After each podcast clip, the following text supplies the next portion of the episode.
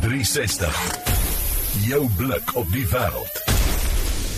Ons blik vandag op kaskar kompetisies. Wanneer laas het jy dit geniet, né? Nee? As jy nie weet wat dit is, te loop dis go-karts en daar is ek dink daar so baie kinders wat hulle eie weergawe ook daarvan gebou het, né, nee, en in die pad afgejaag het. Ek dink aan kinderdae en so aan. Sê maar vir jou vir my 'n bietjie wat jou herinneringe daarvan is, maar Alwyn Dippenaar praat met ons oor 'n reeks van die kaskar kompetisies wat nou in die Suid-Kaap of liewer Suidkus plaasvind.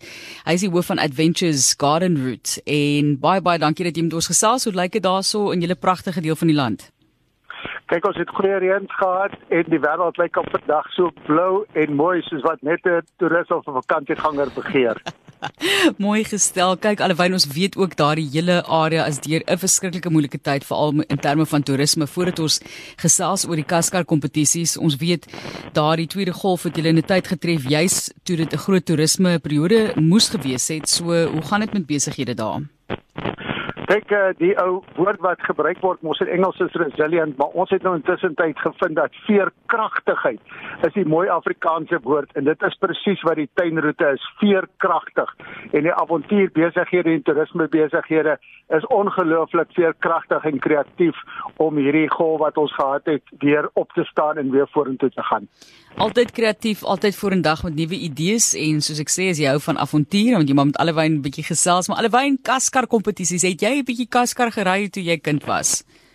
Ek dink ek het my eerste kaskar gery toe ek 2 jaar oud was. My sussie het my gestoot. O, jene. En ek onthou, weet eh, eh, op, op, op oorvertelling onthou ek dat die draai onder omdat die kaskar nie remme het nie, het oh. redelik in 'n groot chaotiese toestand ontstaan toe daai kar omslaan en ons net stof sien uitslaan oral. Dis gevaarlike sake. Ek weet julle sake is nou nie gevaarlik nie, maar ene die goed wat ons om ons kinders aangevang het. Maar allewyn, vertel vir ons, hoekom kaskar kompetisies daar by julle?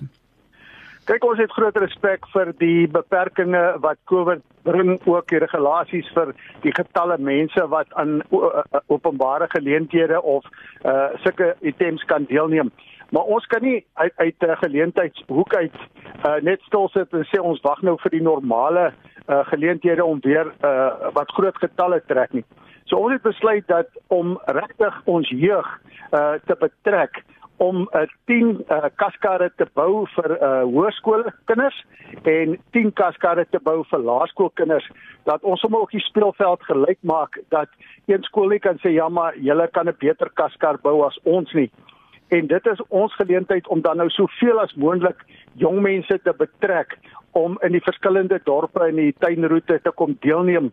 En of die bane 100 meter is en of hy nou 200 meter is uh, wat ook al in 'n dorp beskikbaar is en 'n woongebied beskikbaar is al wat ons wil hê is dat die kinders moet kom ry en ons hou die getalle onder die 250 wat uh, die president aangekondig het en die toeskouers uh, bly in hulle huise hulle staan langs die roete en kan dit kyk of as hulle by by by koopsentrums is, uh, kan die mense van 'n afstand af kyk. So dit gee vir ons 'n geleentheid om die jeug aktief te betrek met iets wat ons kan doen onder die beperkings wat die regulasies daarstel. So wie bou die kaskarre? Vertel vir ons van die konstruksie daarvan.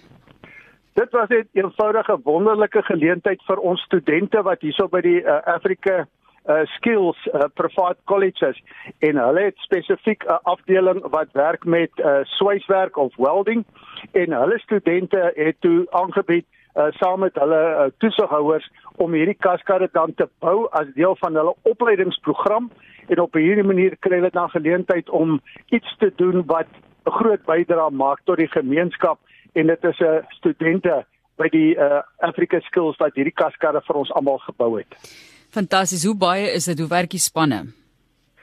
Uh daar's 10 kaskarre vir die kleiner kinders, 10 kaskarre vir die groter kinders en afhangende nou van uh, uh ons het byvoorbeeld uh 2 weke gelede het die spanne bestaan uit net 2 in 'n span.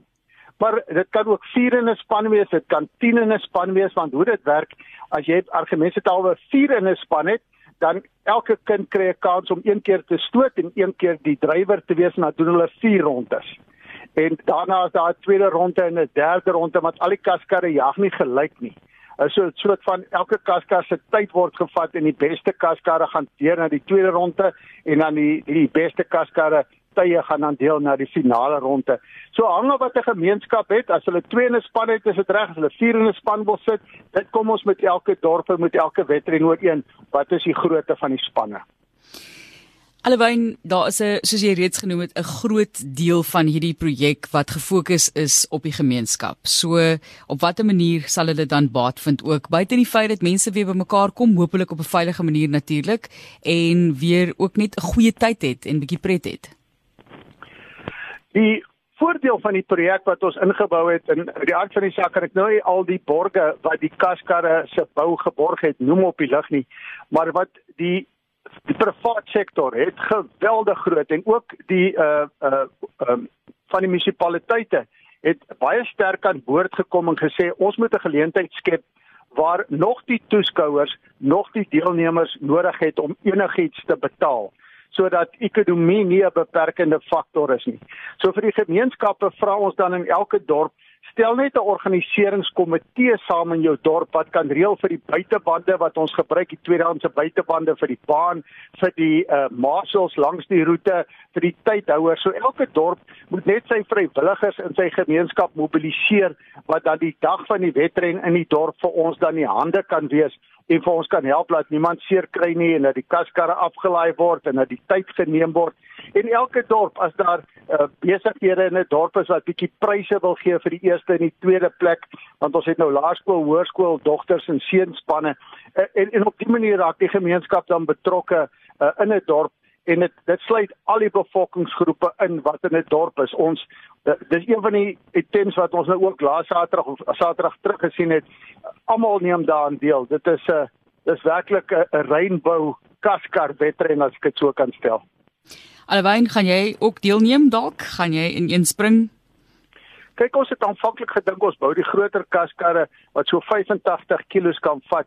Maar op die ou en met die kaskarre, hulle kan so 110 kg vat. So hulle kan nou werklik ook die groter seuns vat uh, wat so 'n bietjie meer lyf het. Maar die kaskarre is eintlik werklik lig. Die groot kaskarre weeg maar iets soos 30 kg en die klein kaskarre weeg so 20 kg en hulle het lekker groot 20 duim wiele. So hulle stoot maklik en hulle ry maklik en dis net een groot vreugde die kaskarre. Allewyn baie dankie. Wat ek miskien ook moet ja? sê, net so ja. te loop.